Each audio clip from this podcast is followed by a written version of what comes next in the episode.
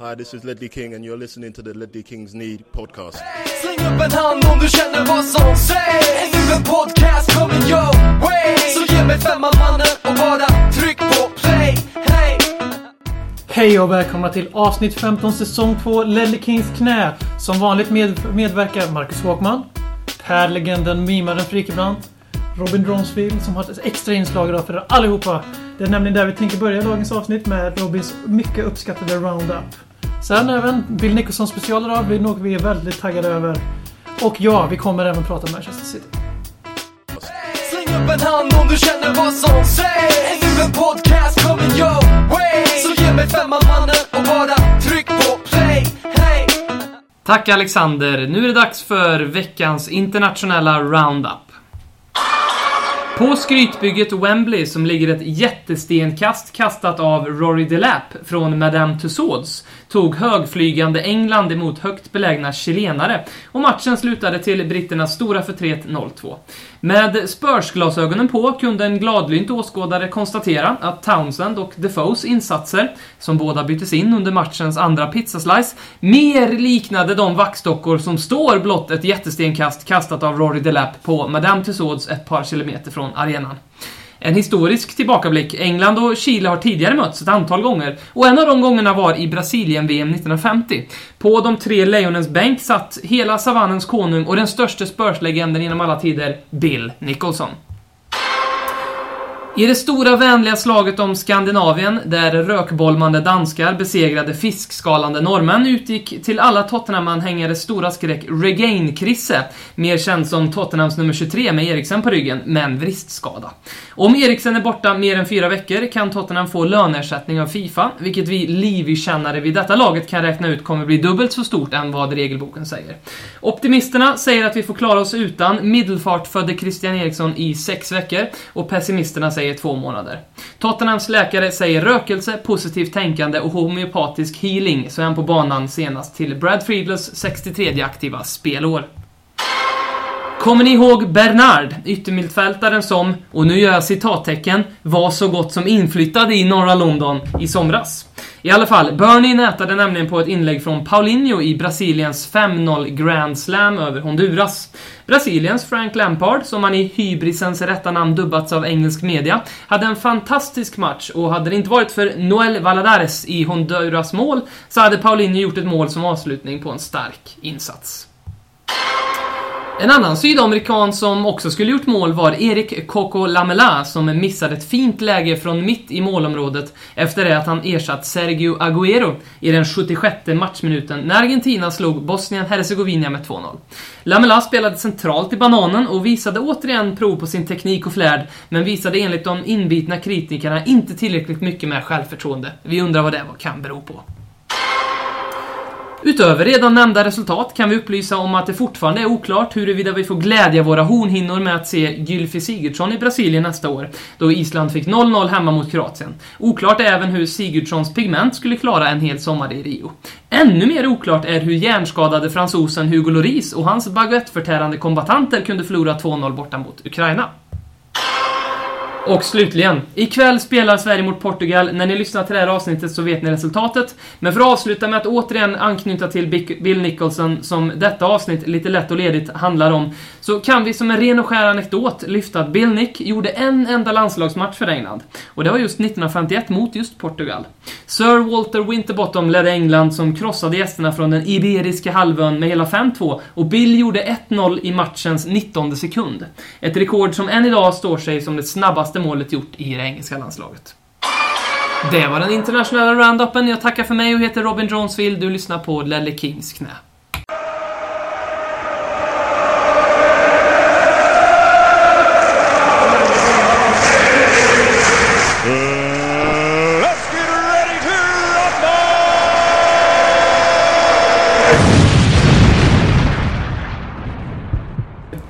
Ja, efter den där excellenta nyhetsrapporten från allas Robin Dronsfield så går vi direkt över till Tack. Tottenhams match den här veckan. Som alla vet är mot Manchester City på Etihad Stadium. Och eh, det här är ju ett lag då, Manchester City, som vi alla vet. Som har eh, väldigt offensiv kapacitet. De har gjort 29 mål redan. Och det är ju alla var bekant som vad vi kommer att ha gjort efter 38 omgångar i år. Så det är ju en match med två ansikten mellan offensiva City och defensiva Spurs, givetvis.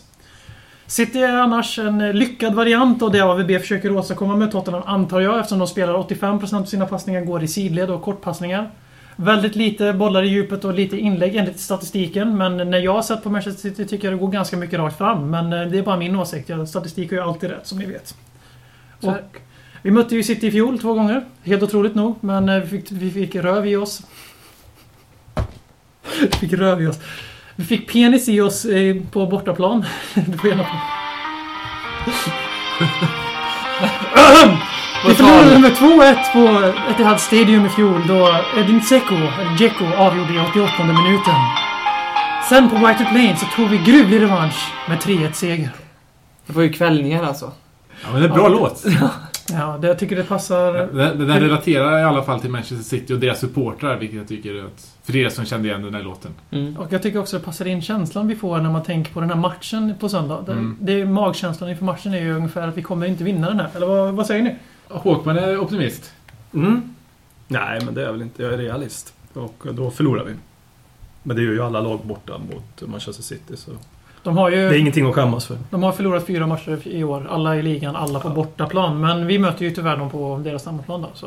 De vinner väl i snitt med tre mål också på hemmaplan känns det som. 4-1 och 5-0. Men det, det är också ett bortaplan vi är bäst på och när Dembélé ändå är i farten med att skylla på storleken på planen ska vi ändå säga att City har en av de största planerna i Premier. League. Så att det är väl nu, det är väl nu glamouren kommer. Mm. De gjorde en 7-0 på Norwich som krossade United 4-1. Jag känner väl att vi ligger nog i farozonen att få en, två, tre bollar. Ja, det tror jag. Och det beror ju inte på att uh, nödvändigtvis vi behöver ett dåligt lag för att förlora mot City. Utan Nej. City är ett sånt fantastiskt fint fotbollslag på, uh, via namn, men inte, men inte via klubb numera. Så. Det är en ideologisk övergång de har också från Mancini, surgubben, till mysfarbror Pellegrini. Och det har ju funkat fantastiskt när det fungerar. Då har de ju kört över lag ordentligt. Men de har varit mentalt svaga och rent ut sagt svaga bortaplan. Mm. Men eh, hemma på Etihad känner de sig väldigt trygga. Även om de inte vet vad arenan heter från match till match. Så ja, men då- problem- de byter ju namn på sin arena lika ofta som Hall byter namn på sitt, sin klubb.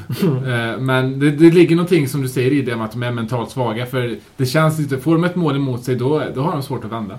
Ja, ja, de, de, det har gjort, stämmer. Statistiken stödjer Pers åsikt. ja, de har gjort lite individuella misstag också i de matcher de har förlorat. Aston Villa borta var ett individuellt misstag och så nu mot Chelsea var det lika, likadant mellan Hart och Nastasic. Och det var. Så det var, nyckeln är ju för oss, om vi ska ha den minsta lilla jävla chans i den här matchen, det är att Company inte är med. Han är ju skadad så. Han är borta 110%. Ja, enligt Fysiorum så... Sabaleta var det väl för övrigt? Silva. Det var Sabaleta som gjorde misstaget. Jag tror det. Jag tror det var Det var. Joe Hart som gjorde misstaget. Ja, Ja, men det, var var Hart. Det var Joe Hart. Nej, han, han, är, det, han är missförstådd. Ja, Eh, är Det var, men i alla fall, de har, enligt eh, Fysiorum så har de Company, Silva och eh, Jovetic missar matchen enligt dem. Då. Sen finns det även frågetecken för Nastasic och Fernandinho. Den är dubbelt så bra Det, Paulinho. Det, det, det är inga offensiva pelare som är borta i alla fall. Men det är i alla fall bra för oss att, att de här äh, monstren i Nej, David Silva är inte en Ja, okej. offensiv. David Silva. Och Jovetic är också mittback. Jovetic, hur mycket, mycket bidrar han till det? Det är Ja, det- monsterlaget. Han kommer, byta, han, han kommer byta klubb Ja. nästa sommar. Så det. Det känns som min... eh, Innan City blev eh, den här Belgian Blue i fotbollsvärlden, som de nu ändå är, så hade man alltid känslan när vi mötte City att det här är ett lag som Tottenham vinner mot. Vi vann alltid Vi mot vann City också. alltid mot City. Vi hade en, nästan tio raka segrar mot City. Alltså vi körde ju över dem eh, ordentligt Vi- sist jag- vi mötte dem faktiskt. Så vi, alltså, det är ju inte som att det här laget är underlägset Manchester City på något sätt. Och det, på bortaplan torskade vi i och med 2-1. Men det var ett sent, eh, sent avgörande mål. Vi, vi, vi lyckades ju för fan vinna när vi hade typ Palacios och Crouch i laget. Ja, men då hade inte City Jovetic Nej. på bänken heller. så- Nej men det tar ut sig självt. Ja. Palacios. Men Hampus Palacios... Får Hart spela? Ja, det tror jag. Han Nej, är, Han ju. Nej, det är jävla ändå. Englands number one. Det är ju deras. Inte längre. det är ju deras svaghet annars. Nej, Utan Frank- tve- det, enligt mig så i startelvan så är det Joe Hart som är deras svaghet. Om de har någon så är det ju han. Jag tycker mittbackarna, när Company inte Ja. kan spela. Faktiskt. Det tycker jag är deras största svaghet. Nastasic är...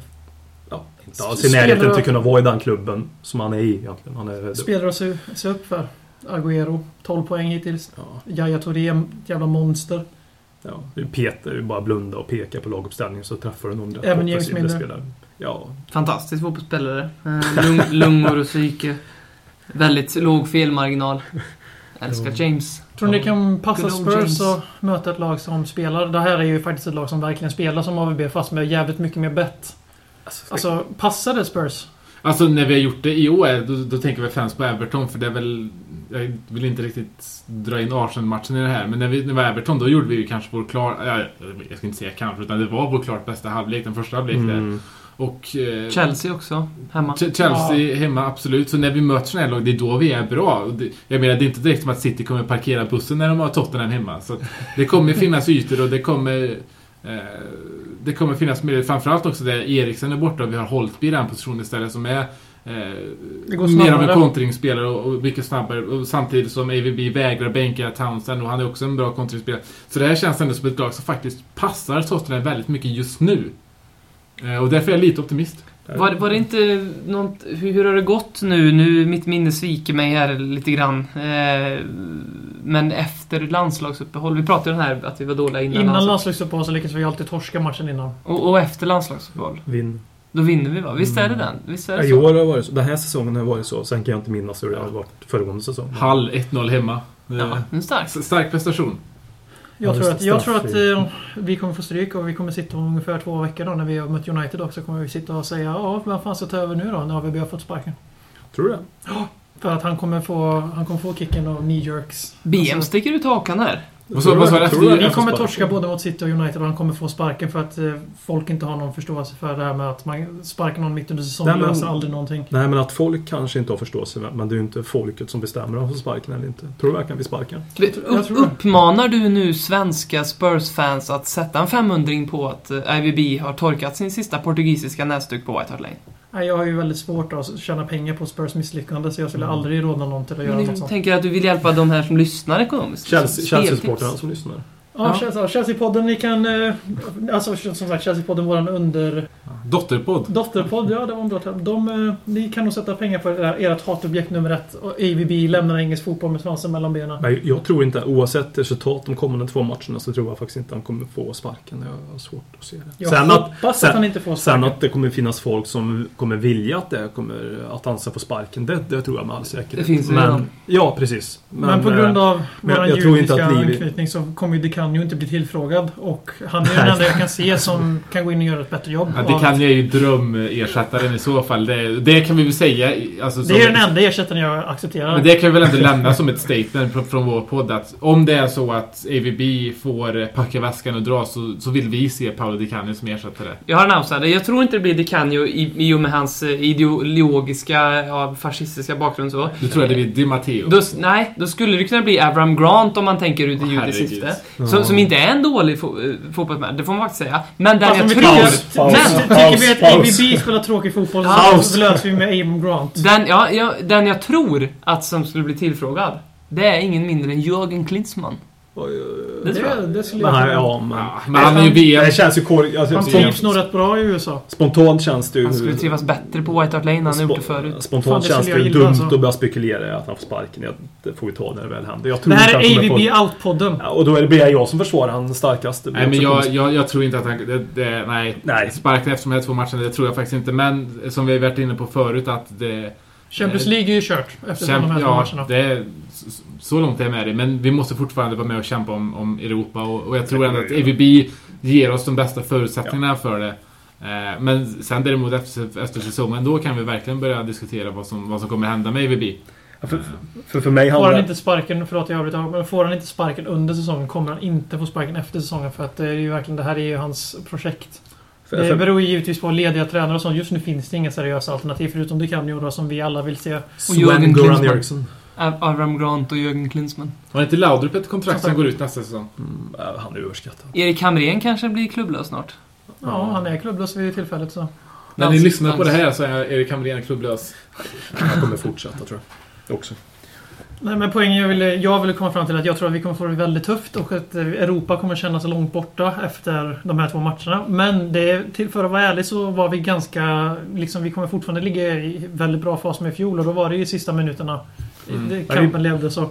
Kan man säga att cirkeln sluts lite grann? För det pratades ju om den här miljardmatchen för några säsonger sedan när vi faktiskt vann på Etihad när Crouch gjorde det där målet om vilka av oss och City som skulle få gå ut i Europa. Och nu sluts cirkeln åt andra hållet. Att den här matchen... efter när det exakt samma möte lagen emellan gjorde att City blev klart för Champions League på att Peter Crouch gjorde självmål. Det känns Ja. som att cirkeln I slöts då. samma bur. Mm. Ja. Så det, det, den cirkeln är sluten. Och där det verkligen var så att vi fick lida av att Jermaine Defoe är vertikalt hämmad. Och att Ledley King inte riktigt har... Och Hade att, eh, galoppen och inne. att Mario Balotello tilläts trampa Scott Parker i ansiktet utan att bli utvisad. Men det, är, det är två olika matcher ni pratar om. Jo, men eh, vi försöker bygga upp en stämning. Ja, okej. Att det har varit viktiga matcher mellan Mm. City och Tottenham de senaste åren. Ja, och det här är absolut, alltså, visst det är inte riktigt har samma dignitet som den där miljardmatchen ni, ni pratade på där innan, men det är absolut en viktig match för ja, Tottenham. Alla andra. Det är, är, är, är. Vi alla köper en poäng. men det är, det är en superviktig match för City också som har fyra förluster redan. City ligger faktiskt en poäng efter Tottenham inför den här omgången. Så det, skulle vi lyckas knipa tre poäng då, då ser det helt plötsligt jävligt bra ut. Då är det, då är det Pellegrini som får det svettigast. Då är det Pellegrini som har det väldigt svettigt. Ja, det får han gärna få. Det, Ja, Jag gillar Pellegrini. han är ju van med svett. Han är ju han är spanjor. Väldigt Ja, sympatisk. extremt sympatisk. Jag önskar honom all lycka, verkligen Pellegrini.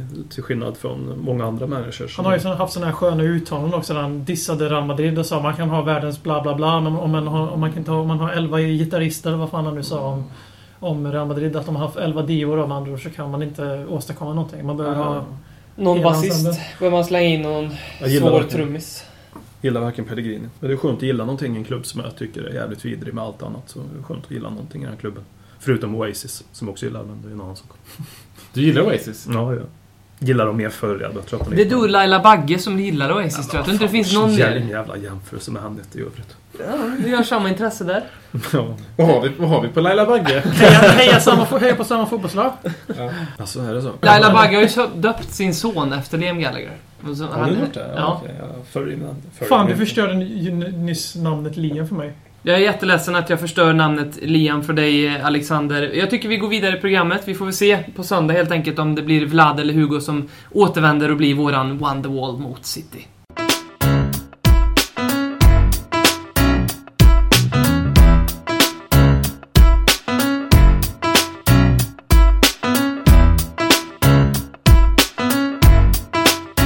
Ja, då går vi över till veckans huvudtema och det här är väl ett av de finaste temana vi någonsin har haft. Då vi nämligen tänker prata om eh, vad som säger, den moderna fadern av Tottenham Hotspur. Ja, det är, inte det, det är inte ett av de finaste. Det är det finaste. Det är det finaste.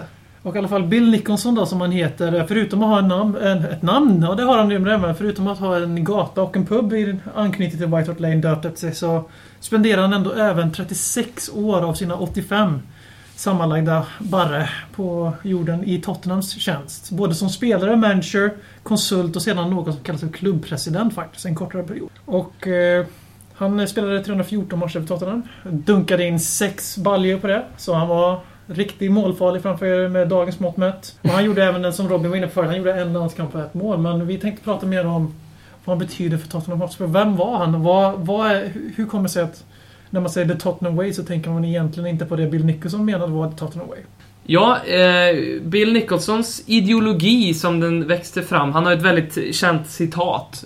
Eh, som är att vi, Tottenham Hotspur, har satt våra mål så höga så att även det minsta misslyckande kommer ge ett eko av eh, glory, eller vad fan säger man? Framgång. Framgång. Och det blir också listat som det, eller rankat som det fjärde bästa sportcitatet någonsin av en eh, brittisk tidning. Då har de gjort fel, för det borde ju vara det bästa. Ja, det tycker jag. Så- Tycker jag. Jag har även sagt att eh, alla Tottenham, Tottenham är en klubb som ska vara i Europa, alltid och oavsett. Ja, om man inte är i Europa så är man ingenting. Och det är ju någonting som vi i podden håller med om när vi snackar om Europa. Det kan ju även en del Europa League-belackare betänka när de stödjer Tottenham Hotspur men hatar på Europa League och anser det vara under klubbens värde. Ja. Eh, hur som helst, det är många som tror att det var Bill Nicholson som eh, in, eh, vad ska man säga, införde push and run till Tottenham, det här free-flowing spelet. Men det var faktiskt inte så, utan det kom eh, lite tidigare. Men, Det var väl ingen som trodde det? Det vet väl alla om, eller? ja, jag, jag tror det är en så? generell uppfattning Ja, om okej, att det ja. var Bill Nicholson som satte den prägen på spelet. Okej. Eh, men Bill Nicholson var ju spelare i Spurs, som Alexander precis berättade här, under managern Arthur Rowe, som var den som tog push and run till Tottenham då. Eh, och, och Bill Nicholsons ideologi och hans sätt att se på fotboll formades dels då genom Arthur Rowe Push and Run som handlar egentligen, precis som det låter, om att spela och spring. Håll hög tempo och kör offensivt. Ungefär som Drillo eh, brukar säga när han eh, coachade norska landslaget. Snabba inflipp av Pro Ja. spontant där snabbt. Att, eh, man säger ju ofta att uh, tränare och spelare lever under mer press nu än de gjorde förr. Men han gick ju in i väggen totalt under Tottenham. Så därför han fick uh, sluta sin karriär i Tottenham. Arthur Rowe nu alltså. Mm, mm. Um, och det var ju den här Arthur Rowe, men också uh, Walter Winterbottom med det fantastiska, nästan Harry Potter-klingande namnet eh, som var Englands tränare när Bill Nick var där, både som spelare och som coach i engelska landslaget. Uh, som formade honom som manager och även Jeff Dyson, fystränaren. Bill Nick var ju även den första, och han blev utskrattad som manager när han uh, införde styrketräning. Någonting man inte alls tyckte hörde hemma i, i fotbollen. Men mer som person och hans ideologi i, i, i omklädningsrummet så, han var ju en perfekt perfektionist, Bill Nicholson. Eh, på, på det sättet väldigt lik AVB. Eh, och många spelare klagade över att han, han hade inte så mycket genomgångar i laget eh, i, i halvtid. Han satt mer ner med varje spelare och så berättade han, gör inte de här misstagen för det gjorde du förra matchen. Och gör inte de här misstagen i andra halvlek för det gjorde du i första halvlek. Lite Harry Redknapp på så sätt. Ja, li- lite på så sätt Harry Redknapp, som en fusion mellan de två.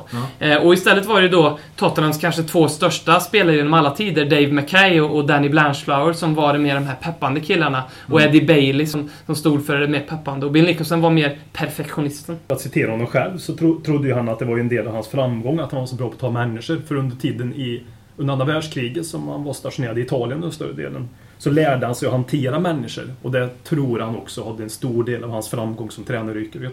Mm. Har han själv sagt. Och det är lite, ja. Han såg sig själv som en större talare än han kanske egentligen var då. Är det Mm. det som han...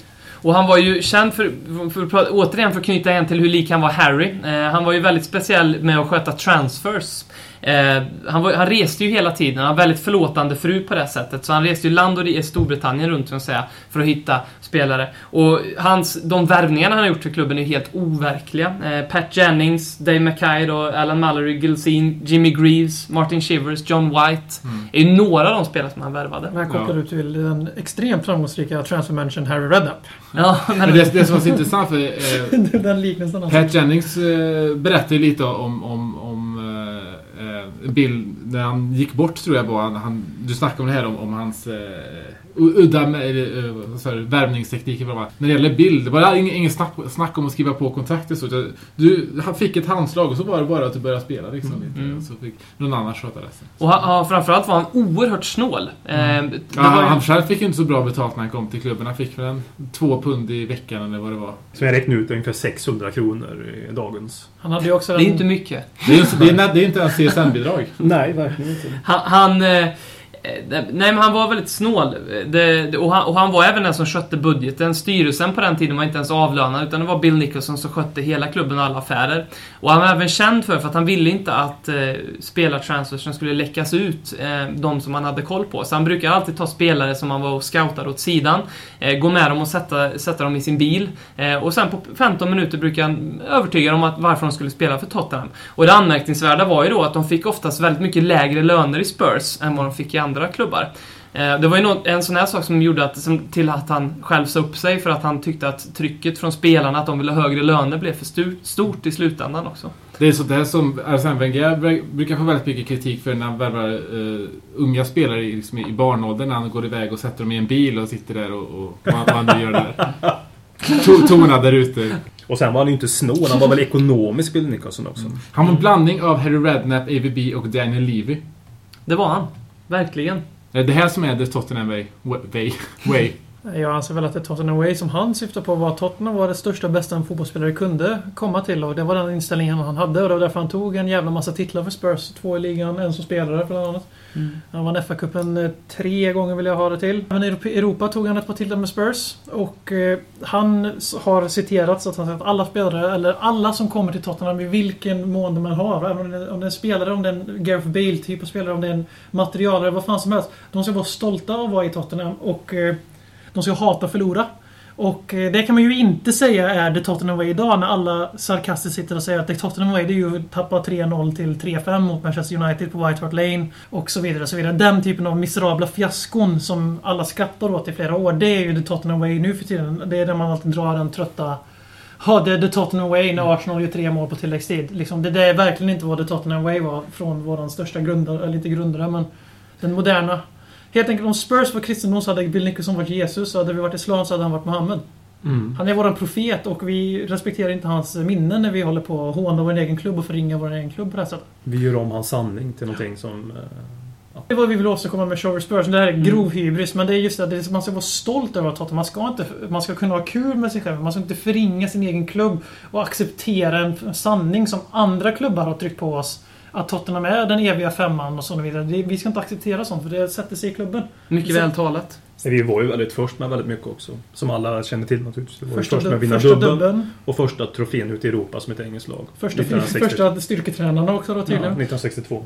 Mm. Och första 4-5-1 spelande laget. Jajamän. 1980. Ja. Mm. Och inte Bill Nicholson. Och B- Bill Nicholson, det, det är roligt. Även, han har ju en oerhört fin meritlista. Ett troféskåp som får vem som helst att vattnas i munnen. Eh, och ingen annanstans. Eh, men, och det är roligt, han, för han beskrevs också som en ganska otursförföljd manager. Eh, för Tottenham hade ju anspråk på att vinna ligan Eh, 1962 också. Eh, och det var ju, alla trodde att de skulle göra det här. Ehm, men i och med det här halvtidssnacket som jag var inne på förut, att han inte pratade med laget utan mer med spelarna, så blev det lätt ibland att spelarna själva bestämde taktiken i mångt och mycket. Eh, och i just säsongen 1962 finns en anekdot där Bill Nicholson hade sagt att nu vill jag att vi spelar på det här sättet. Eh, och Dave Mackay och Danny Blanchflower som hade större inflytande i bland spelarna då, sa att nej, vi gör på det här viset. Och de förlorade då mot Ipswich med, med ganska stor marginal och det var här också den förlusten som många pekar på gjorde att de förlorade ligan. Eh, och året därpå så åkte man även ut mot Benfica eh, i Europacupen, Semifinalen där. semifinalen, på ett väldigt eh, suspekt sätt. Men det var väl samma år? Det var väl också 62? Det kanske det var, 62. Det var 62. Det var Ja. då vi hade, var i Europa, Europa Champions League som det heter nu. Exakt. För vi vann ju både FA-cupen och Charity Shield året. så Det var ju helt okej år ändå. Mm. Gamla Det gick ju bra tider. så att säga. Och det är roligt att han, att han eh, sa, att, som Ben var inne på, att han nöjde sig aldrig. Oavsett hur bra det gick. Eh, han har ett väldigt känt citat efter det att Tottenham vann Uefa-cupen 1972. När han sa “Never mind the result, our performance was awful today”. Eh, och det visar lite han hans var mycket den ambition. typen att det var inte bara, handlar inte bara om att vinna som det gör i dagens moderna fotboll där resultatet är 90% av det i alla fall. Det är bara fansen som hänger fast vid det här med ideologi och så vidare. Men han var ju den att han, alltså fansen skulle tycka om att se att Tottenham spelar fotboll. Mm. Och det, det skulle både spela till publikens belåtenhet men de skulle samtidigt vinna. Mm. Så han var ju en fruktansvärd idealist. Mm. Men det är ju givetvis det, är det man ska eftersträva. Man ska aldrig nöja sig med att antingen, man ska aldrig sikta så högt som möjligt. Han var, han var en fin människa också på det privata planet. Det här, och den här anekdoten är ju lite eh, rolig på, på det här sättet. Han blev kompis, eh, lite, eh, hans fru blev på något konstigt sätt kompis med Frank McClintock, eh, Arsenal-kaptenen. Och som gillade att åka till White Hart Lane och kolla på när Tottenham spelade. Så Frank McClintock brukade låna eh, Bill Nicholsons eh, parkeringsplats, och fru kanske, det vet man aldrig. Och parkera sin bil där när han var och kollade på White Hart Lane. För på 60-talet var ju det den arenan i England som det hände på. Det, vi hade nästan 80 000 pers på läktaren vissa matcher. Och, och, och det, var, det var aldrig så bra stämning som på White Hart Lane som det var väldigt många människor som kunde intyga på den tiden. Det, Det är inte så som- konstigt, vi var ju bäst då så det är jättelogiskt. Det som Tyvärr. var lite gulligt med de där arenorna då, om man får säga ordet gulligt som man nog aldrig använt det tidigare i mitt liv. Det är att de hade staket eh, runt arenan. Ett Ja. vanligt eh, staket som då ett villaområde var ju uppsnickrat. Jag vet inte om de nådde just det 1960 eller inte, men Det tror jag. Eh, ja, det kanske de nådde. Mer staket i fotbollen. Ja, det var inte så mycket eh, stewards där heller som sit down. För jag antar att den arenan då, när vi tog 80 000, kanske inte riktigt var gjord för 80 000. Den Nej. var möjligtvis gjord för 50 000, har Mm. jag en känsla av. Man- Mm. Och det är ju fruktansvärt vackert bara det. Eh, Bobby Robson, en annan väldigt stor man, hade ju Bill Nicholson lite som idol. Han gick ju ofta på White Hart Lane enbart för att han eh, såg upp till Bill Nicholson så mycket och för att han tyckte att stämningen var bäst på, på White Hart Lane. Eh, som är en av de största Sakerna har förändrats sedan dess, på tal om stämning. Ja, Mm. oerhört mycket. Sir Bobby Robson är det väl? Jajamän. Spurs-supporterna på tal om det. Spurs-supporterna har ju genomfört flertalet kampanjer och försökt adla Nicholson för hans insatser för engelsk fotboll. Men det har inte Mm. gett Nej. frukt än. Men han Man- är med i engelska fotbolls Hall of Fame i alla fall. Men om sådana klåpare som Robson är adlade så ska ju givetvis eh, Sir Billy också. Ja, men han har väl ändå en slags titel, va? en- OBE, precis. som det heter. Mm. Så det är i alla fall... Den här kanske, kampanjen kanske gav någon utdelning. Ja, det är ju fler än vad en gemene man har om man säger så. Ja, det är framförallt fler än vad Arsene Wenger har. Ja. Det är Sir David Beckham snart va? Som- Ja, det tror jag. Oh, Sir Andrews Townsend. jag kommer gråta när det händer. Sir Kyle Walker. Sir Harry Kane. Jag tror, jag tror Kyle Walker skulle vara den som sämst hanterade att bli Sir. Eh, Han skulle vanära det ryktet lite grann. Jag tror att eh, Adebayor hade tagit det oerhört ödmjukt. Life is good, har han skrivit på Twitter. If you don't like it, go and die. Ja. Så då har vi veckans hack på Adebayor avklarat. Fast han inte fått spela i... I ett avsnitt om Bill Nicholson. Men vi kan väl alla enas om att Bill Nicholson hade ju inte accepterat sådana fasoner som vissa Tottenham-spelare visar upp. Jag går ut och klagar i pressen för att de inte får spela och Nej, det hade ju varit... sju liksom- gånger gärna samma säsong och...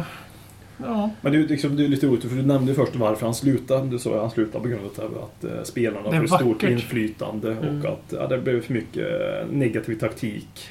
Han var- var... attityden. Redan då tyckte man om det, vissa de här lite äldre, på, att de hade det på 70-talet. Han var när vi- ursprungsfadern till Against Modern Football. Ja, och nu när vi tänker tillbaka på fin fotboll, då tänker vi på 70-talet. Mm. Förstår du vad jag menar? De Mm. har hela tiden, mm. Han var först med, som BM sa, mot den moderna fotbollen. Mm. Han, är, han är, precis som BM säger, inte bara en profet för Tottenham Hotspur, men också den här rörelsen egentligen mot modern Men vad skulle, fotboll. han, vad skulle han tycka nu?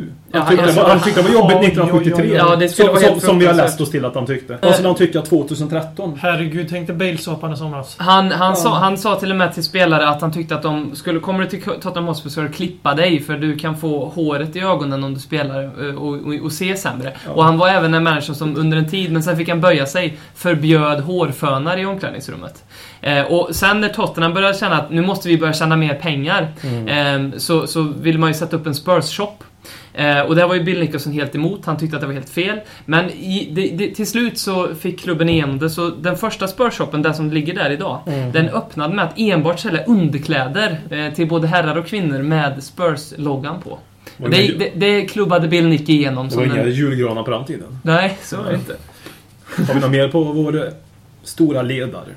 Alltså det enda jag kan säga, alla för lite yngre förmågor som kanske inte som Håkman då, som var med om det här från 30-talet och framåt. Att spendera tid, läs på om Bill Nicholson för det är han som har lagt det Det är, han, det är hans mentalitet och ideologi som sitter i kaklet på White Hart Lane och det är han som har Det är han som är anledningen till att vi idag sitter och beklagar oss över pres- prestationer när AVB leder ett lag till poängrekord och allt vad fan det är. Det är därför vi klagar på AVB, för att han inte spelar så som som Bill Nicholson idoliserade och fick Tottenham DNA. Att även om det inte var hans fotboll så var det han som gjorde den framgångsrik ordentligt. Så om det är någon ni ska läsa på i klubben så är det Bill Nicholson. Och om jag fick bestämma vad nästa arena skulle heta skulle den heta Bill Nick Stadium. Ja, det är verkligen. Istället för Air Asia Stadium, som det nu kommer att heta med största sannolikhet. Eller iFruit, Apple. Ja. Det finns ju det finns väl bra böcker att köpa om... eh, Det finns det. Jag kan rekommendera en bok som, som växer. I början så, så var den... Men man tra- tragglar man sig igenom den. Brian Scovell, eh, som Bill Nicholson, fotbolls perfectionist. Eh, en annan bok som heter The Glory Game, eh, skriven av Hunter Davis, en journalist som som första journalist fick följa med Tottenham en hel säsong, var med i omklädningsrummet eh, på match och, och, och tränade till och med med laget. Ehm, och sen finns det även en mindre känd biografi som Bill Nicholson har skrivit själv. Som jag inte fått tag på än, som är väldigt svår att få tag i. Mm. Det tycker jag ni ska införskaffa. Sånt här är jättekul att läsa om. Vi kör förhör nästa vecka, eller? Det kör vi. Talkman show, Talkman show, Talkman, Talkman, Talkman show.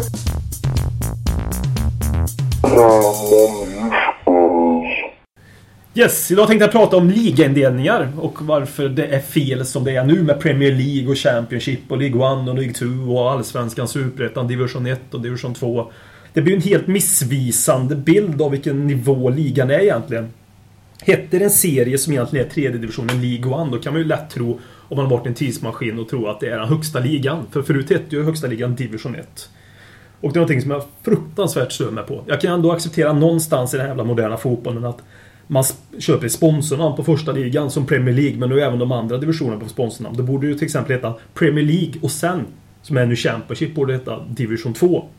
Och Division 3 och Division 4. Inte som det är nu. Och samma sak i Sverige också tycker jag. Borde, det, I en drömvärld borde ju högsta divisionen alltid heta Division 1. Och andra divisionerna borde alltid heta Division 2. Så även i Sverige och England. Så det tycker jag. Gör om, gör rätt, eller spola tillbaka tiden. Tack! Talkman show, Talkman show, Talkman, Talkman, Talkman show.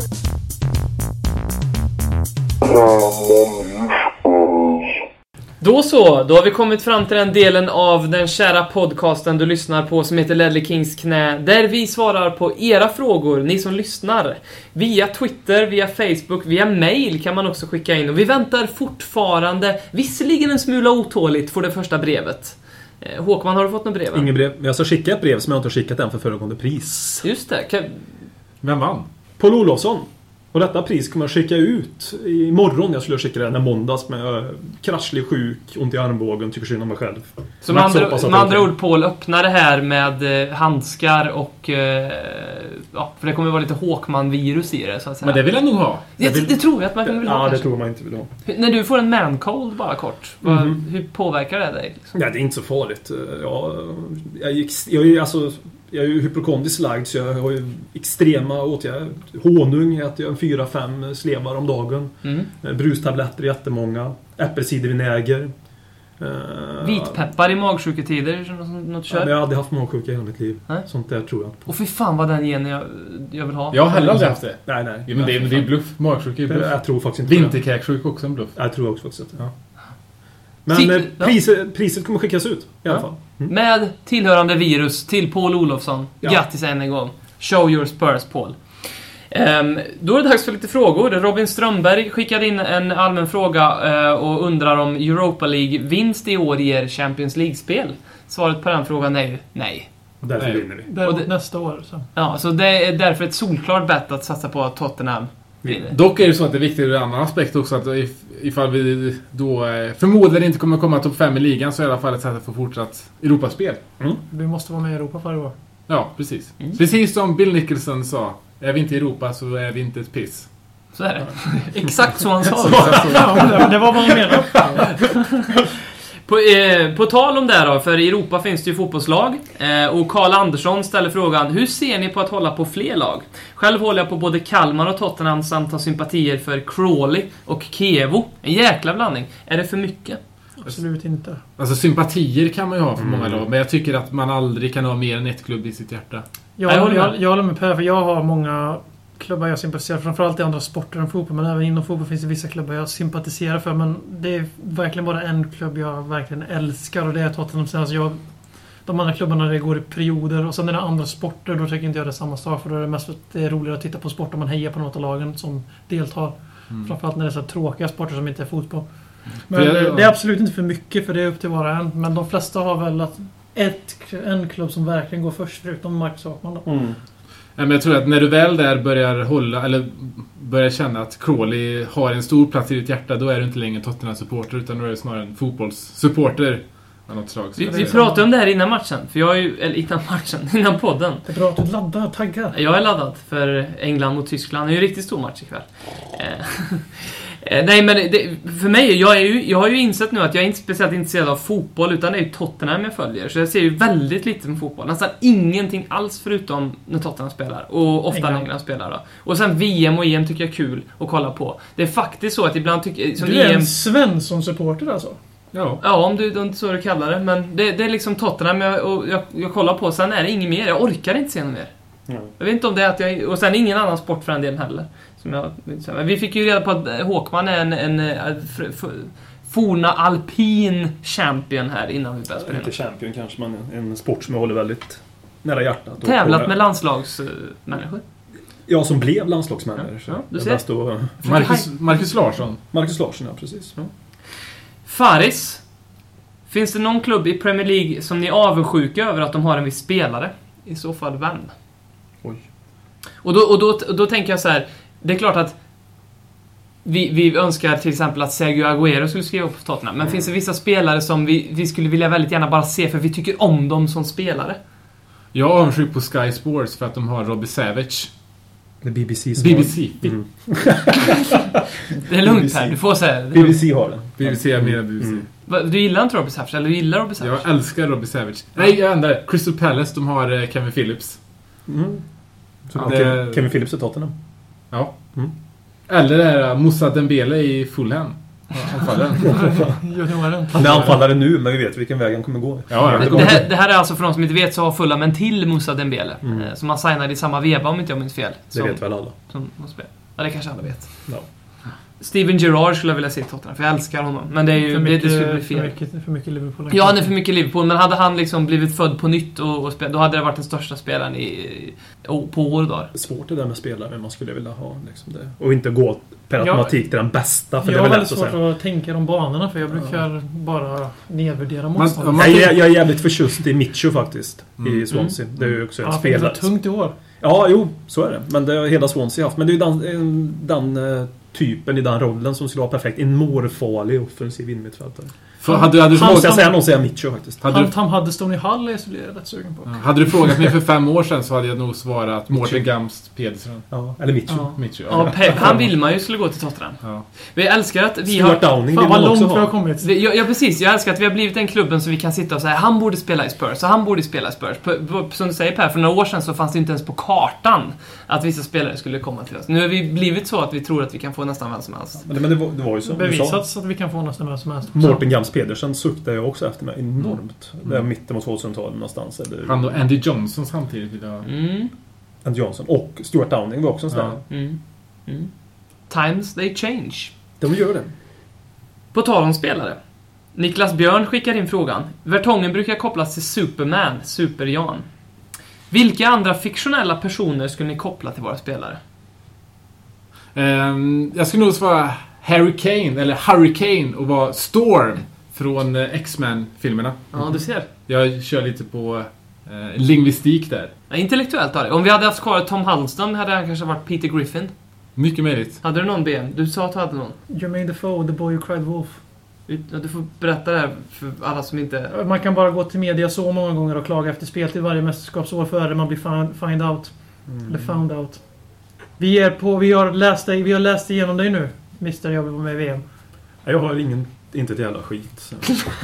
Hens varför du inte skulle...